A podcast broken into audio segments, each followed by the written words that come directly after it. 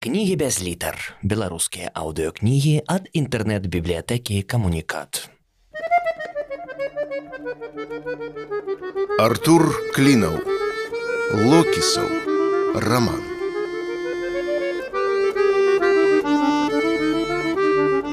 Глава 53. Такім чынам, дарагія тэлегледачы, выгадней уладкоўвайцеся на сваіх канапах і фатэлях-гайдалках. Для тых, хто толькі што прачнуўся, паведамляю. Мы працягваем наш стрым з цэнтральнай плошчы пасёлка, дзе сёння праходзіць мірная маніфестацыя пад лозунгам «Локіса няма!». Камера заторгалася ў такт крокам і наблізілася да дзвярэй з шыльдай рэжым работы. А зараз мы ўвойдзем унутр і зірнем, што там адбываецца. Выява зноў заскакала, з кожным крокам патанаючы ва ўсё большай і большай цемры. Бачыце, узрадаваўся за кадрам голас Фіксевіча. Я ж казаў, пустата нашай плошчы падманлівая. Паглядзіце, тут поўна народу, прынамсі чалавек 40, а можа і 50. Людзі ўсё ж прыйшлі, не трэба недаацэньваць наш народ. Давайте угледзімся ў твары гэтых адважных удзельнікаў акцыі, паспрабуем з імі паразмаўляць. Камера прыйшла ў рух, зафіксаваўшы панараму амаль абсалютнай цемры. Часам з цяжкасцю можна было адрозніць прылаўкі, паміж якімі перамяшчаліся чорныя цені. На жаль, у камеры не працуе святло, але пачакайце, я паспрабую падсвятліць тэлефонам. Выява ўпала на бок, уторкнуўшыся ў нейкую шчотку, але праз некалькі секунд зноўку заёрзала, і святло вырвала з цемры чырвоную фізію з вялікімі вусамі і густымі, здзіўлена ўзнятымі бровамі. Малады чалавек, не маглі б вы сказаць нашым, але фізія тут жа зноў нырнула ў цемру. Куды ж вы? Камера нацэлілася на залу і пайшла па вузкім праходзе між прылаўкамі, застаўленымі вёдрамі, вантузамі, мётламі ды іншым ганзейскім таварам. У паўзмроку было прыкметна, як шарахаюцца ад яе, стараючыся не трапіць у аб'ектыў цені прысутных. Грамадзянин, пачакайце, не маглі б вы растлумачыць, Добра, зразумеў, што вы тут робіце, купляйце вёдры, А ці не хацелі б вы, што ж і на тым дзякуй. Святло знікла зноў, тое, што ў трумах поўна людзей цяпер было чуваць па гуку. З цемры даносіўся такі скабяны грукат, быццам старая гандлёвая галёша на ўсіх парах ляцела да ганзейскага порта. Мабыць, бессэнсоўна, самі разумееце, партызаны. Дарэчы, а вось чалавек, які напэўна нам не адмовіць. Натан Майсевіч, загадчык магазина. Зноў уключыўся тэлефонны ліхтарык, і камера вырвала з цемры азадачаны твар капітана. Скажыце, што тут сёння адбываецца? Ой, я ўжо не рады, што ва ўсё гэта ўвязаўся.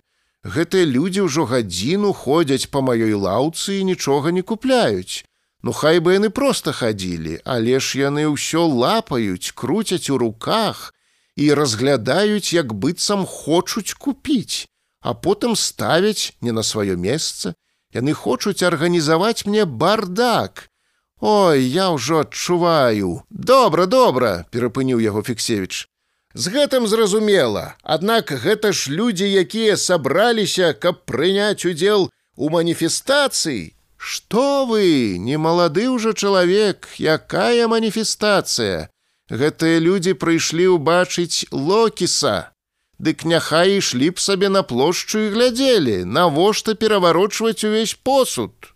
Дык вы думаеце, ён сёння прыйдзе? Так і да, яны ж яго чакаюць. Прабачце, але ж гэта глупства. Па-першае, ніякага локіса няма. Па-другое, што яму тут на плошчы рабіць? Вось менавіта. Натан нагнуўся, каб падняць перакуленае кімсьці вядро. Ён прыйдзе, каб асабіста ўсіх перапісаць, усіх, хто выйдзе супраць яго пратэставаць. Праўда, кажуць, што спіс ужо складзены, а сёння яго дапоўняць. Добра, але чаму яны мяркуюць, што ён ім адкрыецца? Канешне, не, локіс нікому не адкрыецца. Больш за тое, Натан перайшоў на шэпт. Кажуць, ён ужо тут, ведаеце, Скажу вам не для камеры. Голас Натана стаў яшчэ цішэйшы. Лепш бы я сёння не адчыняўся. У мяне ўжо цэлую гадзіну мурашкі па скуры. Я ўсю раніцу назіраю за гэтымі людзьмі.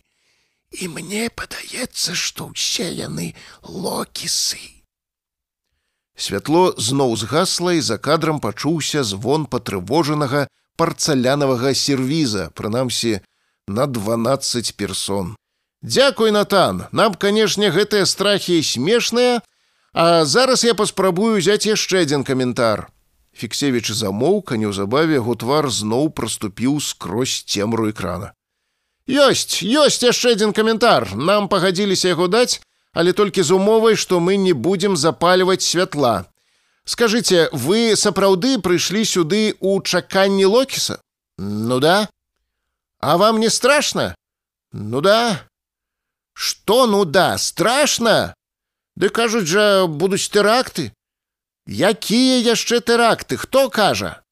Все кажуць, гэта адмарозкі, што на плошчу выйдуць, бомбу кінуць, а то яшчэ і пуляць пачнуць.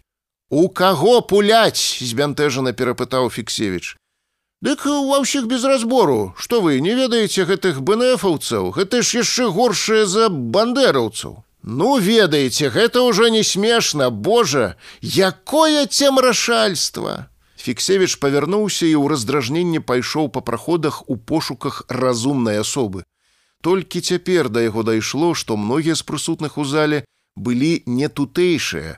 Знаходзіліся сярод іх як людзі адкрыта дзіўныя, напрыклад, два казакі ў папахах, абвешаныя крыжамі, так і некалькі чыноўнікаў, якіх ён раней па працы сустракаў у раёне. Аднак найбольш яго здзівілі чатыры бацюшкі ў расах, якія ў скабяным аддзеле з заклапочаным выглядам перабіралі ацынкаваныя шайкі для лазні. Аднаго з іх настаяцеля раённай царквы Фіксевіч ведаў асабіста. Айцец Ануфрій, А вы што тут робіце? Узрадавана усклікнуў ён. Няўжо прыйшлі, каб пад імя праваслаўнай царквы засведчыць, што локіса не існуе. Тихо, «Что ты, сын мой, горло панишь? Имен не называй. Мы здесь инкогнито. Если спросят, ты нас не видел». «Добро, вы можете, отец О, нам анонимно поведомить, что вас провело на площу?» «Только если анонимно и во тьме». У цемры экрана з'явілася нейкая невыразная выява, падобная ці то на чалавечы твар, ці то на масленічны блін, аброслы валасамі. Слаба бліснуўшы вачыма, блін паважна з літургічнай сур'ёзнасцю прамовіў: Он существует. Хто ён? адразу не ўцяміў Фіксевіч. Как кто? Локіс і імя яму сатана. Локіс, распеўна працягнуў айцец О. Это одно из воплощений Антихриста.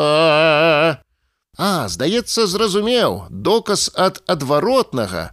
Калі ёсць Бог, то павінен быць і д'ябал. Існаванне Бога даказвае існаванне д'ябла, гэтак жа як і наадварот. Цяпер, калі Бог праяўляе сябе слаба і рэдка дае аб сабе знаць, асабліва ў сацыяльных сетках, вера ў яго ў многіх пахіснулася. Таму сёння паказаць, што д'ябал ёсць, значыць, і Бог усё-такі існуе. А д'ябал сёння з'явіцца на плошчы ўласнай персонай. Я правільна вас зразумеў. О, господі! Айцец отройчы перахрысціўся. Што за богомерзкая хуйня? Ты немножко, сын мой, базарта отфильтровывай. А что не так? Покрыўджана процягнул Фиксевич. А то, что ближется судный день, последнее знамение сбылось, Оскудели вера и любовь в людях, Озлобление катастрофы ежечасно постигают землю. Явилось множество мерзейших отступников, А теперь вернулся он, пришел антихрист, Валасаты блін шматзначна замоўк, яшчэ раз цьмяна зыркнуўшы бялкамі. Антыхрыст пачакайце, а чаму у нас усклікнуў фіксевич Ён што не мог з'явіцца дзе-небудзь у сталіцы у мінску напрыклад а яшчэ лепш у бруселец ці ў вашынгтоне Ничего чудного, отрок, что он явился здесь, на окраине, ибо конец света начнется не в стольном граде, а на окраине мира, ибо здесь находится его мерзопакостная берлога, бесовской замок. Ибо недаром, пока он по кичам чалился, в нем открыли психушку, а теперь его хозяин откинулся и явил миру отвратнейшее знамение. А, вось што яно, гэта вы, айцецо, на таварыша Л, мабыць, намякаеце. Гэта ён, гаспадар замка? Я, сын мой, когда в Питере на крестах последнюю ходку дотягивал, обитал у нас в хате один черт, так тот тоже любил гнилые вопросики вопрошать. Так мы его это всем миром Короче, я ни на что не намекаю и за базар не отвечаю. Я сказал, он тихрист, вернулся и маляву прислал. Галава ў цемры экрана нават праяснілася, зрабілася падобнай не да бліна, хутчэй да аракула, намаляванага на сувенірнай пад антычнасць валасатай талерцы. І імя сіму откровению инквизиция дьявола процягнуў аракул. Ну-ка, ну-ка, батюшка, подробязней, заерзал Фиксевич. Ты же отрок отсюда родом, ты же знаешь, что оборотни тут спокон веков не изводились. Но сирому Локису много ли надо? Он же просто звериное отродье, ему б человечка откушать и довольно. И этот Ирод впервые не просто сожрал, а сжег. Да как? Показательно, чтоб другим не повадно было. Говорят же, педали не осталось. Жег где? В своей сатанинской убители в замке. Жег кого? Не фраера, а своего жигана. Но онорхиста! Недаром ему такое погоняло накинули. Кто он, пропащий человек? Мало того, что оп, так еще и боптист. Не пьет, не курит, Одним словом, Бельмондо в натуре. И что этот баптист отморозил? Он проповедовал опасную для этих мест ересь. Говорил, что Локиса не существует.